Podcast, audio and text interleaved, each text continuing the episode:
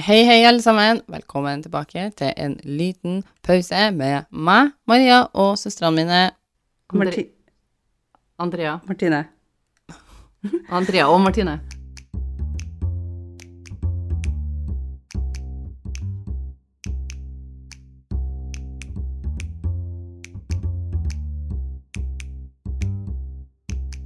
Ja, og så, og så må vi jo si velkommen til en ny sesong.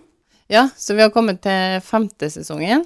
Eh, Det trodde ikke vi. Og imens så har vi jo egentlig ikke funnet løsning på det vi holder på med. Vi har jo bare laga nye, skulle til å si, fancy omveier for å komme til dit vi er nå. Ja, vi har det. Vi har jo bytta noe system òg, da, det skal jo sies. Ja, jeg syns vi har eh, snarveier rundt alt her nå, bare for å kunne høre oss sjøl, og det, alt er litt halvveis, for vi hører ikke hverandre. Det er egentlig det vi spiller inn, og det er bare kaos på oss. Ja, Vi er liksom ikke laga for dette. Men folkens, vi har uh, en uh, sesongstart vi skal gjøre her nå. Ja. Mhm. Da tenkte jeg egentlig at vi skulle litt sånn back to our roots, egentlig. OK, til liksom Saupstad? Nei, vi skal til true crime-sjangeren igjen. OK. OK. Ja. Mm. Og i dag skal dere eh, få høre om en true crime-sak fra Australia i 1948. Ja. Så denne eh, saken er ganske gammel, men den er overhodet ikke uinteressant for det, altså. For at eh, det her er snakk om en sak som fortsatt forundrer folk flest som hører om den. Og i dag skal dere da få høre historien om The Body on Summerton Beach. OK. Er dere klare? Mhm. Den 1. desember i 1948 i Adelaide, Australia, så ligger det en mann på stranda. Soler seg? Den mannen her eh, blir sett av flere, ifølge en artikkel på Smithsonian Magazine. Ja, kildene til Maria, de er med. I den artikkelen står det forklart at rundt klokka sju om morgenen den 30. november så går en mann, John Bain Lyons, og kona hans på tur på Summerton Beach. Veldig interessant at bare mannen er nevnt med navn, og kona er nevnt bare som kona. Det Når sa du dette, hva? Herre er den 30. november eh, klokka sju om morgenen. Ja, Årstall. Årstall. 1948. Ja, så det er kanskje derfor hun ikke nevnte meg. Ja, det er jo det jeg sier. Litt interessant, det, da. Ja. På denne gåturen så legger de merke til en mann som eh, ligger på stranda med hodet sitt mot det som blir referert som en sånn seawall. Og, og det er jo da sånn her um, en sjømur som er bygd opp for å, for å beskytte byer og sånn mot, eh, mot sjøen som kommer inn på stranda, skulle jeg si. Skjønner dere hva jeg mener? En stor, stor bygning, liksom? Eller Ikke en bygning, det er på en måte bygd opp fra stranda, sånn at når, når eh, bølgene kommer, så slår de mot denne muren istedenfor. Først så tenkte jeg på en sånn At det var bygd opp med sand, liksom. Ja, jeg tenkte Men det høres ut som sånn som i Bendor. Ja, enig. Sikkert. De har, sånn sjøbyer har det sikkert, for å beskytte litt mot bølgene. Så her ligger det en fyr, sant? og han har proppa hodet opp mot denne muren her. eh, og fyren har på seg dress. Okay, så han soler seg ikke? Nei, så han er, han er kledd veldig sånn formelt. Uh, og så ligger han med føttene i kryss. Og han John og kona her, da, som ser han fyren Med ansiktet opp? Uh, ja, men liksom, han, veggen er på en måte her da, når han ligger på stranda, sånn at han er liksom proppa opp med hodet. Ok, da skjønner ikke jeg hvor den veggen er. Proppa. Å, han sitter oppreist. Et- Ligger ligger liksom halvveis oppreist? Ja, med liksom litt sånn Med proppa ryggen. opp med hodet. Han ligger med ryggen til Proppa veggen. opp til Sier Maria, bruker Ja, bruker ordet proppa. Proppa. Når han John og hun kona ser han på stranda, så løfter han høyrehånda si uh, rett opp, og så lar han den dette rett ned igjen. OK. okay. John forklarer i artikkelen uh, at han uh, trodde kanskje at han fyren her var full, og at han prøvde å ta seg en røyk, for det var det det så ut som. Mm. Så videre i artikkelen så står det at en halvtime senere så er det enda et par som ser denne fyren på stranda. Eh, de ser han da ovenfor, fordi at eh, de går opp liksom på toppen der, seawallen her, den sjømuren. Eh, og de ser også at han er veldig godt kledd, eller sånn pent kledd.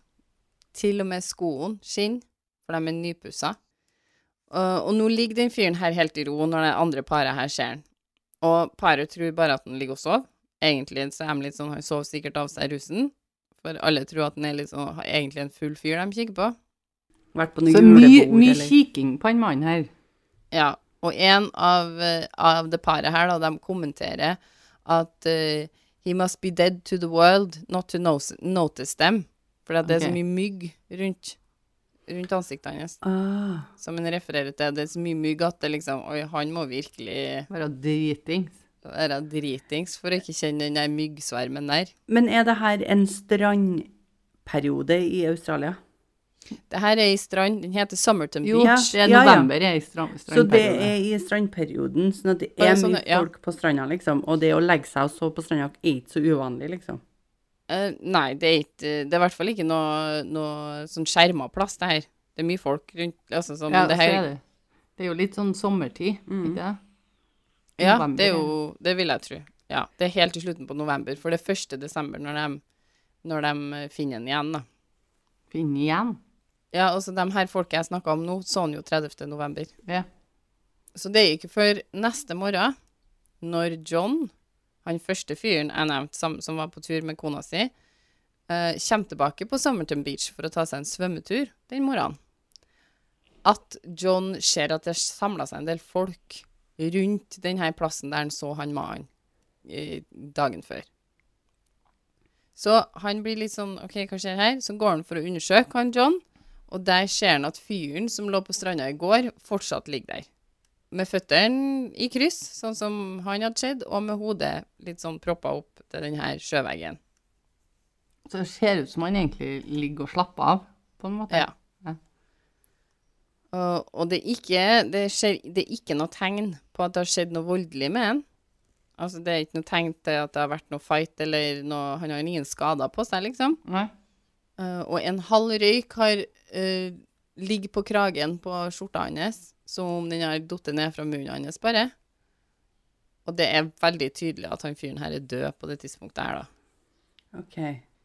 I en Cultural Studies Review skrevet av Ruth Balliant, så står det at John ringer politiet, og to kon politikonstabler kommer for å undersøke det her. Så det, jeg må bare spørre her nå.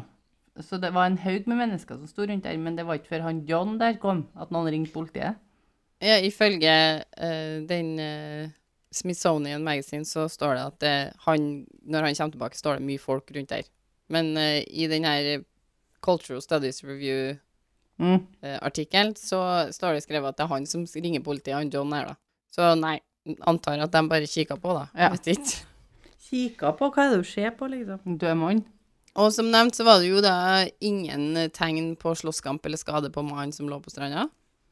Eh, Strand, altså stranda, eller sanda rundt da, eh, der han lå, var også uforstyrra. Det var ingen tegn på at noen hadde liksom mm, gått veldig mye i sanda rundt den, på en måte.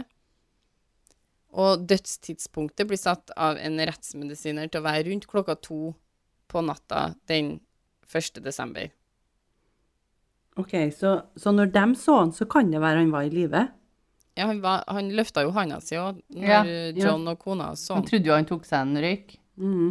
Rettsmedisineren nevner at dødsårsaken muligens er hjertesvikt. Og han eh, nevner også at det eneste han på en måte kan se for seg dødsårsaken, er gift eller forgiftning av okay. noe slag. Men har han eh, Nei, de klarer ikke å måle om han har alkohol i blodet. De finner ingenting i blodet hans. Ah. Ingen gift, ingen eh, ja, Nå står ikke konkret noe om alkohol, men det står heller ingenting om at han, de finner alkohol i blodet hans. nei. Ingen kan si for sikkert hvordan han døde. Fordi de, som sagt, de finner ingen gift, men det er teorien deres. Men ser de eh, om hjertet har stoppa? På en måte? Ja, det, det er muligens en hjertesvikt. Det er liksom det de på en måte finner ut av som den mest sannsynlige dødsårsaken, er at, den, at hjertet har stoppa. Uh, vet de hvem han mannen her er? Um, det må du nesten høre videre for å finne ut av, Ok. Andrea. Så det er bare eh, John Doe akkurat nå? Akkurat nå er det bare John Doe, ja. Mm. Etterforskerne får jo da en teori av det her snakket om hjertesvikt og forgiftning, om at uh, han mannen her har dødd av en forgiftning av noe slag. Uh, og kanskje er det ei gift som uh, jobber så kjapt at den er egentlig forsvunnet ut av systemet da, veldig fort etter uh, gifta har gjort jobben sin. For det er noe Det er ikke noe spor etter gift her. Og i dagene så følges det ikke noe sånn kjempestor oppslag i avisa eller noe om han mannen her. Det er litt sånn notis her og der, på en måte. Når de gjetter på gift, tenker de da at han har fått i seg noe, eller at noen har gitt den noe? Ja, det vet ikke de. Eller at han sjøl har tatt noe. Ja, det vet ikke de ennå. Eh, så det er ikke som, ja, som sagt, da, avisene dem- dem er ikke sånn som kjempeinteressert i den, i, i den uh, saken her til å begynne med, men det tar seg opp etter hvert. Men de første dagene så er det rimelig sånn laber eh, interesse, egentlig. Det var bare en regular man dying on the beach, liksom. Det er ikke noe vi henger oss opp i. Nei, men jeg tror flesteparten tror kanskje at han, at han hadde fått hjertesvikt, eller ja, Ja. at det var naturlige årsaker til at han hadde dødd på stranda der, da. Mm. En eh, rettsmedisineren da, forklarer ved en senere anledning at eh, det eneste han kunne si for sikkert når han gjorde eh, sine undersøkelser av mannen, er at de ikke visste hvem han var, at eh, dødsårsaken ikke var naturlig, og at det nesten helt sikkert ikke var en ulykke, det her. Å Det er det rettsmedisineren mener, da. Ok, så videre, da, sier en artikkel på CNN at uh, mannen på stranda lå på en ganske folksom plass, som jeg nevnte tidligere. Uh, og det, det her er ikke en plass du på en måte kommer for å legge deg og dø i fred, da. Hvis det, sånn som folk tenker kanskje etter Selvmord. at de snak, ja, de snakka om forgiftning og sånn, om en hadde tatt sitt eget liv, for eksempel, så var det en veldig unaturlig plass å legge seg. Ja. Eh, men du, allerede så tenker rettsministeren, medisineren, ja, han fyren, at eh, det, er, det her ikke er en ulykke eller eh, noe selvpåskyldt.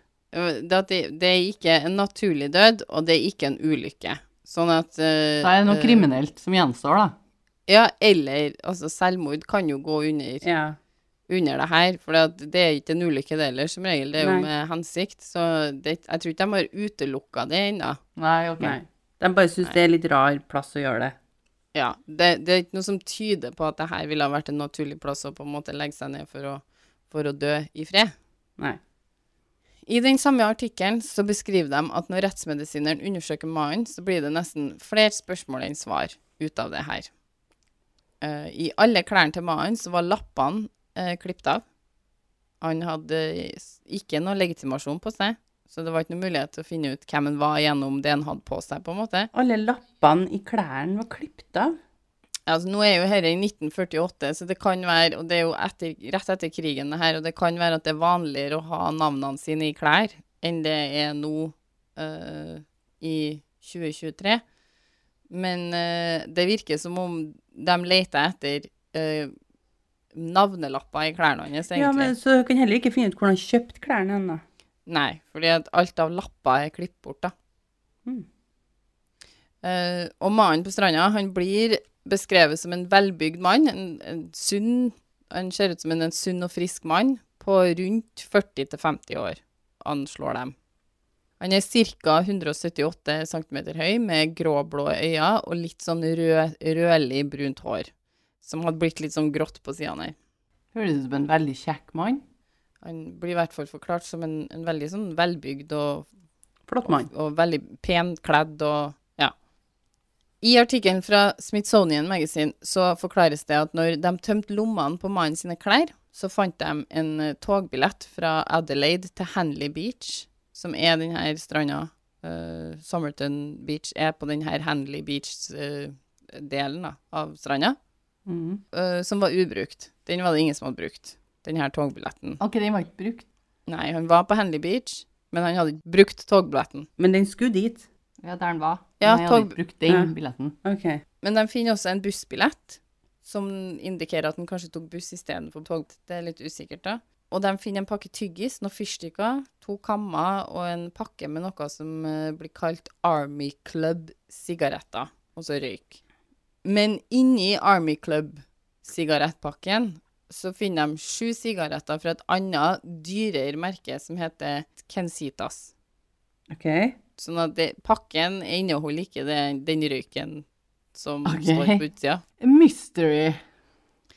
Og som nevnt, ingen legitimasjon på han, ingen lommebok, ingen måte å identifisere mannen på. Han har jo veldig mye i lommene. Ja, han har relativt mye med seg, vil jeg si. Uh, en av lommene på buksa hans hadde blitt uh, pent reparert med litt sånn, her, sånn, litt sånn snedig farga oransje tråd. Legg dem òg merke til. OK. Uh, og i reviewen skrevet av Ruth Balliant så står det forklart at det blir notert at mannen hadde veldig godt utvikla legger. Altså leggene hans Um, Godt utvikla. Ja, altså de var, de var veldig godt trent. OK. Så han har mye leggmuskler.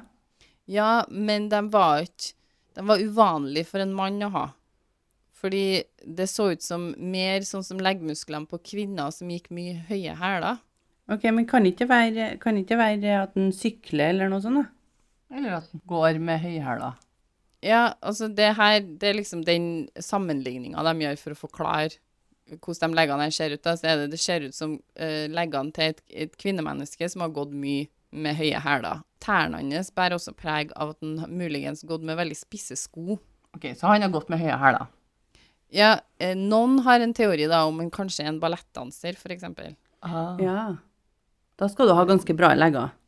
Det blir forklart at mannen har sine egne tenner.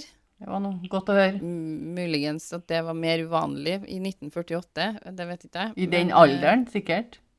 Kanskje. Men han mangler 16 Oi! Oi, det er Han ganske hadde mye. ikke mange av sine egne. Og så hadde han noen små arr på ene armen sin. Og så blir det også nevnt at det er tydelig at denne mannen er en mann som tok vare på seg sjøl, og jobba med å se veldig presentabel ut, da. Utenom når han smiler, da. Det kan være det mangla dem inni her, da. Ja, Vi har jo ganske mange. Ja. Fingrene hans eh, bar preg av at han var en ganske heavy røyker, fordi at de var ganske gulna, sånn som eh, røykerne får når de røyker mye. Mm. Og i magen hans så finner de en halvspist eh, middagspai. En sånn, også en pai, men ikke sånn ikke en sånn søt pai, men sånn Ja, middagspai. Ja. ja, Kjøttpai. kjøttpai. Og de finner også en del blod i magen hans. Og det peker de nok en gang mot forgiftning, da. Men ingen, uh, ingen gift ble funnet i maten heller. De finner ikke noe gift uh, i den her halvspiste middagspaien, liksom. Ok. Jeg lurer på, Det eneste jeg sitter og blir sånn Jeg lurer på hvis jeg har blitt funnet død, hvor de, hva de har lagt merke til.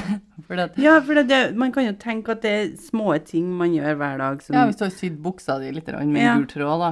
Ja, eller at du har hatt noe i lomma Ja. som du bare helt randomly hadde den dagen. Men nå tror jeg jo alle de tingene her er viktige i den saken her, for at de prøver å finne ut hvem en er i utgangspunktet, da. Ja. Jeg tror ikke det er så viktig hvis de vet at Andrea, Andrea at hun har reparert buksa si med gul tråd, på en måte. Nei, sant. Men hvis du, du da, hvis du Maria hadde blitt funnet nå, ingen visste hvem du var, har du hatt noe i lommene dine? Du har hatt telefonen sin, mest sannsynligvis. da. Ja. I BH-en. Ja. Og det har de stussa på. Men uh, jeg har jo hatt Jeg har jo hatt et arr på kinnet. Ja, så man må hjelpe. Men du hadde telefon i, i BH-en, kanskje jeg har opplevd det som snedig? Eh, Det hadde de sikkert. Der hadde jeg også hatt eh, headset og en eh, snusboks og eh, noen nøkler. Maria, hva gjør du den dagen du må slutte å bruke BH? Eh, Ja, den dagen kommer ikke, dessverre. For det har vi konkludert med at det ikke er spesielt kledelig på meg. Nei. Har du noe i lommene? Nei, jeg har ikke noe lomma på meg. Nei, det er jo det med kvinnfolk, da. Vi har jo ikke lommer på klærne våre. Men vi har tatoveringer da, Martine. Ja, vi har tatt masse av det. Det er veldig uh, Gjenkjennbart. Gjenkjennbart. Og arr, spesielt arr, for at du kan gå tilbake og se f.eks. Eh, hvis de finner ut at arret mitt er så og så gammelt, så kan de se gjennom eh, Eller undersøke med sykehus da, om Ja. noen har gjort de her operasjonen på ei så og så gammel jente, eller Ja, Og det vil jo hjelpe igjen, deg å identifisere med- folk. igjen med dere med tatovering, så tror jeg at folk har så mye tatoveringer nå at hvis da mamma skulle blitt spurt eh, hvordan kan du forklare tatoveringene til Andrea, så tror ikke jeg hun vet én av dem engang. Nei, det er ikke Nei, sikkert. men hadde, vi, hadde jeg og Martine sett et bilde av armen Ja, din, så har du visst så det. hadde vi kunnet ha fortalt dem om det var der. Og i utgangspunktet, hvis Andrea var funnet død, så kunne jeg jo sagt at jeg er Andrea, egentlig. Mhm. Eh, For det har du veldig lyst til. Fingeravtrykkene har jo da på et tidspunkt Ja, Ja, det er var- fingeravtrykkene dine registrert noen plass, Andrea? Nei. Nei. Så det blir litt vanskelig. Ja, Fingeravtrykk funker bare hvis det er registrert. ja det er sant. Det er sant. Um, ja. Men det blir nevnt, da, i den saken her, to mulige gifter som kan, Han kan ha Eh, tatt. som kan ha vært i, tatt i bruk her. Okay. Uh, og han som snakker om det her i den her inquesten de har, han vil ikke si dem to De er såpass drøye at han vil helst ikke si det høyt i, i rettssaken engang, eller den her rettssalen, i hvert fall. Men det blir nevnt digitalis som en eh, form for gift, og en som heter stropantin. Stropantin? Stro, okay, du sier det som om vi skal vite hva det er. Nei, eh, jeg vet ikke sjøl hva det er heller, men eh, stropantin er den som blir mistenkt som mulig kandidat.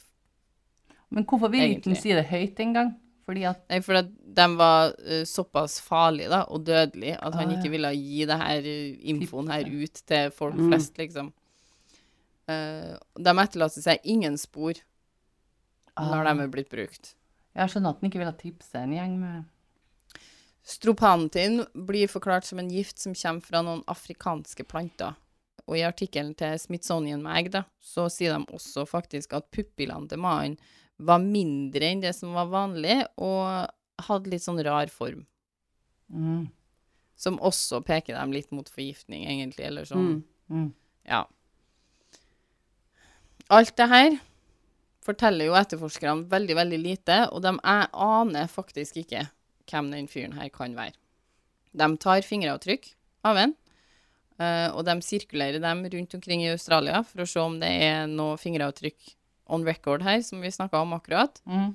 Uh, de sirkulerer også uh, de her fingeravtrykkene i alle andre engelsktalende land, som England Ja, de, de prøver virkelig for Mm. å USA Amer- Amerika, da, og ja Har dere Det Er noen som vet hvem den fyren her er, liksom?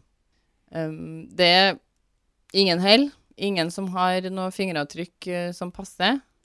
Eh, og masse folk fra Adelaide da blir tatt med til likhuset her, fordi det er folk som har, uh, har mista eller savner mennesker i, i omgangskretsen sin, som har gjerne lyst til å komme og liksom Se om det er dem. Og, ja, se om det er dem, noen de vet av.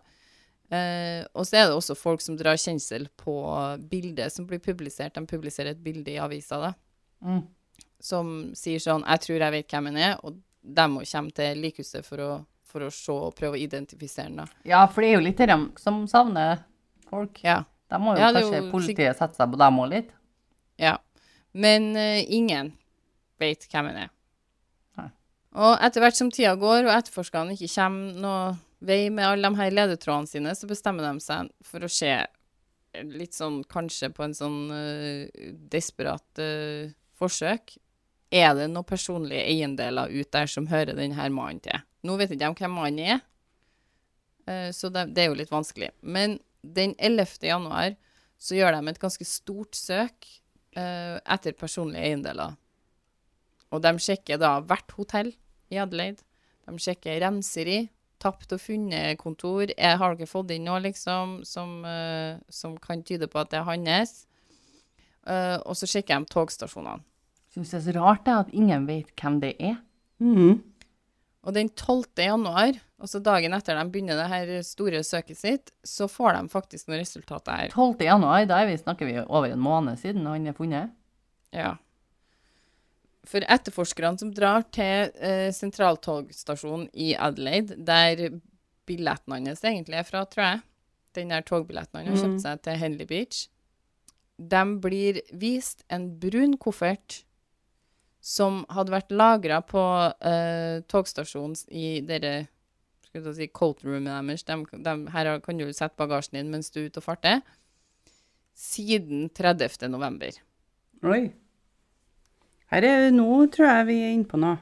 Og i en artikkel på All That's Interesting så forklarer de at i denne kofferten så finner de samme tråd som er brukt til å reparere denne buksa som han har på seg. Og de finner også noen klær som det står T-Kane, eller T-Keen på. Altså T.Kane eller T.Keen. Uh, men det viser seg at det ikke er noe, på noe vis mulig å spore det her navnet her, da. Til noen, liksom. Nei. Ikke til en kleskjede engang. Nei. Og i artikkelen til Smithsonian Mag så forklarer de at kofferten ikke hadde noen merker. eller noen klistremerker av noe slag. Det var virker mer som- vanlig på den tida å ha masse klistremerker på kofferten sin. Mm, det var Ja, det var det. Altså, det var også sånn Her er kofferten min. For alle hadde veldig like kofferter, tror jeg. Mm, Det er liksom ja. brun koffert. Hvis dere ser for dere den litt old time Ja. Ja, alle hadde likedan, så da de dekorerte de dem heller, sånn at du kunne identifisere din egen koffert mye fortere. Ja. Ha navnet ut på han, da. Så det virka som om noen med vilje egentlig hadde fjerna alt som på noe vis kunne peke mot en identitet av eieren av kofferten. Videre så finner de sånne, de finner et sjablongsett, en bordkniv, ei jakke som er sydd med en sånn her fjærsøm som var ukjent i Australia, som blir identifisert som en amerikansk søm av en skredder de er innom og, og lurer litt på hvor dette kommer fra. Og det kan tyde på at mannen kanskje muligens hadde reist en del under årene når det var krig, f.eks. Uh, men annet enn det, så det leder liksom ingen vei. Ingen av de her ledetrådene får dem på noe vei eh, mot det å få et navn eller en identitet Det som på plass. da. overrasker meg litt, er at sikkert fordi at jeg er litt rar, at jeg tenker at i 40-tallet så var det OK, vi fant en mann, vi prøver å se om det er noen som kjenner en. det ingen som kjenner en. OK, da er det ikke så mye vi kan gjøre. Men at de legger så mye i det. Ja, og at de legger så mye i det uten at det egentlig er påvist at det er noe kriminelt som har skjedd. De Mhm. er, de er ganske iherdige. De prøver, de prøver virkelig å finne ut hvem det her er. De gjør det.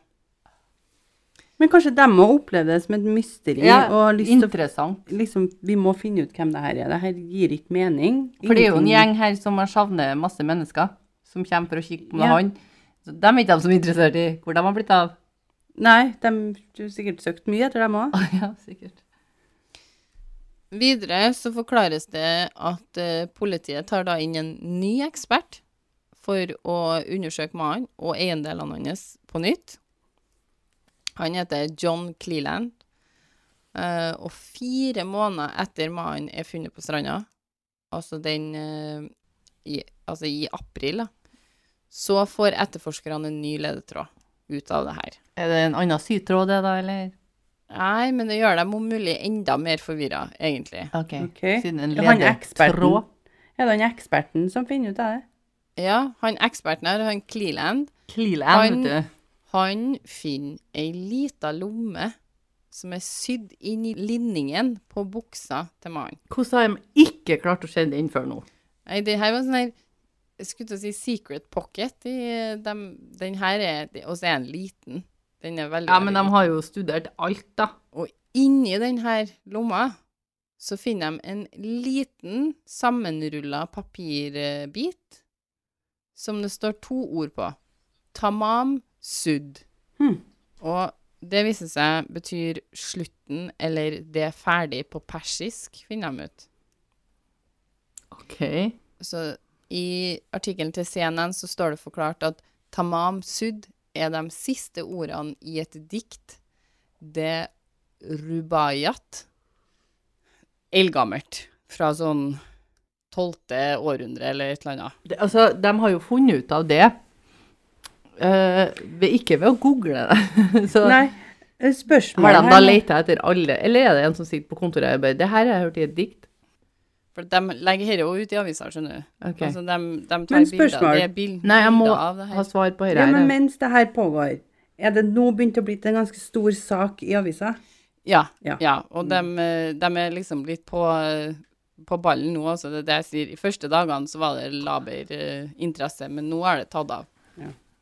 Og de legger ut en eh, i avisa òg om den her stumpen med papirbit, og så er det en som jeg tror ringer inn til dem og sier at det her tror jeg er en del av det her diktet. OK. Uh, så de anbefaler dem å finne en kopi av denne boka og se om, om det kan stemme. OK, ja. Riktig. For det sitter jo ikke én på det her politikontoret og har lest det diktet her, liksom. Nei. Og i uh, denne CNN-artikkelen så blir det videre nevnt at boka her, da, som denne papirbiten er revet ut av, da, den blir gitt til politiet. Ikke akkurat den boka. Jo, Akkurat den boka akkurat den boka Med som man- utrevet som han er revet ut av. Eller, eller hele den siste sida av det diktet her er revet ut av, der denne biten kommer fra.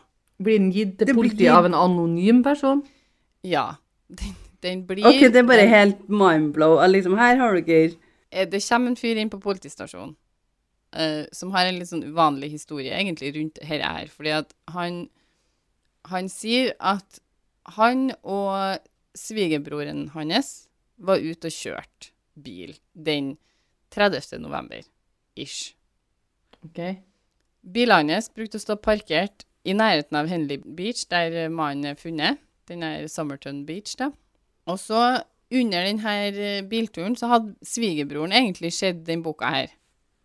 Men så forklarer han at de begge, litt sånn eh, hver for seg, konkluderte med at det var den andre fyren sin bok, uten at de liksom Det er som om jeg har sittet i, i bilen din, Martine, og tatt opp ei bok som ikke er di, og du bare hadde tenkt ja, det er Maria sin bok, og jeg hadde tenkt ok, det her er nå Martine sin bok, siden den er i bilen, og så blir, snakker ikke de om det, Nei, egentlig. Uh, og så sier han at det var ikke før de begynte å annonsere den boka her i avisa, for de trengte å få tak i noen kopier av den boka her, for, for det hadde de jo fått tips om i forhold til hvor den her papirbiten hørte hjemme hen, sant? Og det var først da de hadde begynt å snakke om at det var jo den boka de hadde funnet i, eller dem, han som lå i biler til han fyren. Spørsmål. Kjøper politiet deg? Ja, han er aldri navngitt eller noe. Han, han ikke noe annen informasjon om, om den saken eller kommer Men ikke han har jo noe vært annet. i bilen hans og lagt den der. Den har jo kommet seg inn i bilen hans, da, på et vis. Og det er den boka mest sannsynlig eh, Altså, det vet de jo selvfølgelig ikke for 100 sikkert, for det er jo hele den siste sida som er forsvunnet, på en måte. Men, men de antar jo at det er denne boka. Det er jo helt sjukt. Og den er ikke spesielt vanlig. Dette er ikke ei diktbok eller ei diktsamling som på en måte finnes overalt. Nei, og ingen av dem her i den. Det kan de jo si. Ja, det var ingen av dem sin bok. Veldig snedig. Han der er noe surra rundt, han. Men vet vi at det er han? Det kan jo være noen andre som har lagt den der òg. Ja. Og i boka her, da, som de får levert inn fra uh, han fyren her, som aldri, som sagt, aldri vet ikke noe navn på han, så finner de et telefonnummer skrevet inn bak i boka. OK. Jeg tror i noen artikler så sto det at de hadde funnet to, men at den ene nummeret var bare en sånn dead end. Den, den kom ingen vei, liksom. Og så var det ett nummer til som sto skrevet ned i boka. Mm. Uh, og de, de bruker forstørrelsesglass, og de bruker infrarødt lys og sånn, og så de ser masse bokstaver i tillegg. Masse sånn Helt sånn uh, uh, Det er ikke noe system i de, de her bokstavene, da. Det er bare masse bokstaver som er skribla ned, liksom. Og så er det noen som er kryssa ut, og ja, det er veldig sånn snedig. Og de tror kanskje at det er en kode for noe. Herregud. Beisa opplegg. Altså, de bruker jo forstørrelsesglass, sånn, så jeg tror ikke det her var noe sånn in your face skrevet i den boka. her. De bruker litt uh, energi på å prøve å tyde hva som står, da. Så i Smithsonian Magazine så står det at uh, I den artikkelen så står det at de, de finner Altså, det er ikke et nummer som er registrert på noen. Det er ikke sånn at de søker opp i telefonboka, så finner de et navn her. Men det viser seg at det telefonnummeret hører til ei ung eh, sykepleier som bor, som bor ved uh, Somerton Beach, da. Ok, Og hun her har ikke gjort uh, redde for seg tidligere? Nei, ikke overhodet. Hun har vært i kontakt med politiet, hun også. Og hun er som regel ikke navngitt, hun her heller, men hun har fått et kallenavn som heter Justin. Ok, det var litt av et kallenavn. Ja, men i en, i en av artiklene så hadde de et navn òg, tror jeg, men det er jo egentlig ikke så viktig hva hun heter. Hun blir kalt Justin. Det er jo litt I- viktig hvis hun har gjort det. Jo, men altså, når du leser artikler om den saken her, så blir hun referert til som Justin. Ok, Mm. Så hun har ikke gjort det, da, skjønner jeg. Det, det skal ikke jeg si for sikkert. Okay. Men uh, det er ikke noe navn som på en måte dukker opp. sånn at hvis du hadde lest en artikkel nå, så ville du mest sannsynlig komme over det her navnet. Ok, Justin. ok. Ja. Like, in, like in justice, liksom. Uh, just I-N. Justin. Ok. -hmm. Jeg vet ikke hvorfor jeg har kalt det, men uh, hun har nå kalt det. Den dama her, hun forklarer at hun hadde gitt en kopi av det Rubayat, som den heter, den Ja. diktsamlinga, til en mann som hun kjente under krigen, når, når hun var i, sikkert sykepleier under krigen. da. Mm. Og navnet hans var Alfred Boxhall, sier hun. Men det gir jo ikke noe mening i forhold til den teen og Nei, Ja, men det var jo klesmerket. hun- hun er ikke sånn kjempesamarbeidsvillig heller, da. Sånn, eller hun er det, men hun bor med en mann som hun er forlova med, og hun har ikke sånn kjempelyst til å diskutere han her mannen hun kjente under krigen. Nei, men de har jo et bilde av en de kan vise. Ja. Men nå skal det sies noe som på en måte har skjedd litt før det her, da. Det er at um, det her har foregått så lenge nå. For det her er i juni, kanskje, de snakker med hun okay. mm. Justin. At politiet først fikk kroppen til mannen balsamert, sånn at de kunne ha litt bedre tid på å identifisere den. Men så har de også tatt en sånn gipsavstøpning fra hodet og øvre overkropp, sånn at de har en sånn uh, statueversjon av mannen, da. Mm. eh, for å hjelpe folk til å identifisere den, Ja. når de ikke lenger kunne liksom ta dem inn på likhuset og ja. Mm. ja, lurt. Og når de viser hun Justin den her gipsavstøpninga, så er det nevnt at hun nesten besvimer. Men hun nekter for at hun kjenner ham. Men Vikt, Leser ikke altså, avisene her. Øh, jeg vet ikke. Men, Altså, jeg hadde jo skjønt besviminga hvis det var den mannen, men Ja, det er gipsavstøpninga de viser. ja. Og hun har en veldig snedig reaksjon på den, men hun nekter for at hun kjenner den. Hun vet ikke hvem han er, aldri sett den før. Har liksom ingen mer informasjon til dem, egentlig. Ok. Så etterforskerne da tar jo selvfølgelig det her navnet Alfred Boxhall og tenker at nå har vi kommet noen vei her, nå vet vi endelig hvem han mannen her er. Men det viste seg at en Alfred Boxhall lever i beste velgående, Mm. og han fortsatt har boka fra hun Justin. Ok, men hvorfor Den nummeret hennes, hennes i den her, da? Ja, det kan du si, Andrea. Som har endt opp i en bil med to stykker, Ja. og i ei hemmelig lomme. ja, men det er jo Det kan jo være Det kan være dik- diktsamling han liker, han her òg. Jo, men det Og bare... lagt i ei hemmelig lomme. Jo, jo, men det er bare tilfeldighetene her er jo altfor store. Tilfeldighetene med nummeret hennes er jo definitivt for stort. At nummeret hennes er i den boka. Ja. De prøver jo også å finne ut hva er bokstavene Men snakker jeg med han her, han, han der Boxholt der, snakker jeg med han om han kjenner han her, da? Eh, det er ikke nevnt at, eh, at de har noe connection overhodet. Sånn at jeg, jeg antar at ledetråden døde ut der i forhold til en Alex Boxhall. For at han har en kopien av boka hun ga han. Altså, hun hadde skrevet noe i den boka som gjorde at de kunne identifisere det som den boka hun hadde Ja, snakket om. Da. men de Men- kan jo være kjent, da. De bare sittet her begge to, og så har hun, han sagt her er nummeret til hun her. Kunne hun ha gitt ut flere av de her bøkene? Ja, det er sikkert mulig, det. Nå, eh, jeg tror de ak Jeg vet ikke om det er akkurat denne, her, boks, eh, den her eh, eh, boksamlinga med dikt som, den, uh, som vi snakker om her, var kjempepopulær akkurat der og da, men den, jeg vet at den var litt mer populær etter krigen, nei, eller under krigen. Jo, men det er jo det med nummeret hennes. Du kan ikke bare la den slide, liksom. Nei, Nei, hun absolutt. er sikkert ikke ute av ligninga ennå. Men de prøver å finne ut hva de bokstavene er òg, for de må se veldig snedige ut. Det er masse bokstaver, og det liksom makes no sense, og de prøver å finne ut hva det betyr. Uh, og det er flere som gjør det. Det er en professor veldig mange, mange, mange år senere som gir det til klassen sin som en sånn oppgave. Prøv å dekode Å, ja. det her, liksom. Litt Men sånn, eh, ble litt sånn som en uh, Tom Hanks i uh... Da Vinci-koden. Ja. Men ingen finner noe Mm. noe Sammenheng. svar på hva Nei, det uh, Ifølge All That's Interesting sin artikkel så publiserer rettsmedisineren sin endelige rapport om saken da, i 1958. Så eh, ti år etterpå, på en måte. Uh, og der konkluderer han med at I am unable to say who the deceased was. I am unable to say how he died. And what was the cause of death. Der vet de ingenting. Det er helt sjukt. Ja. Når var dette, sa du? I 1958, så ti ti år etter det Ja, så vet altså, de det her. fortsatt ingenting. De Liksom. vet ikke hvem han er. De Men vi vet vet ikke. noe nå, håper jeg. Og så blir det nevnt i CNN sin artikkel at så sent som i 1978 så blir det lagt blomster på grava hans, for han, han blir begravlagt av politiet eh, etter de har tatt sånn gipsavstøpning og sånn, eh, på en ganske sånn eh, Jeg tror det står bare 'The Unknown Man' på, okay. Ok. på den der tombstonen hans. Og så er han begravlagt der, det, så det er mulig å grave den opp igjen hvis hvis de må. Behovet de har det i baktankene. ja. Og det blir lagt blomster på grava hans med sånn litt sånn ujevne mellomrom, helt fram til 1978. OK, du vet ikke hvem som har lagt blomster på grava hennes? Nei. Det er ingen som vet Men, hvem men som det har gjort det. kan jo Det var jo en stor sak så i avisa, så det kan jo være randomme folk som Jo, jo. Ja, Det ja. er Velger sikkert ikke så mye vekt i det, men det slutter jo på tidspunkt, da. Det er jo noen som dør.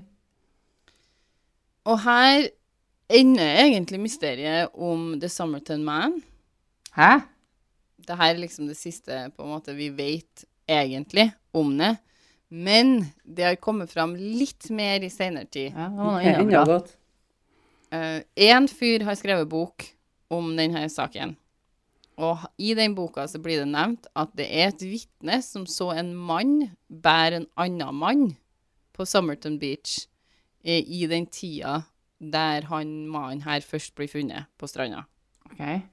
Som aldri har blitt nevnt før.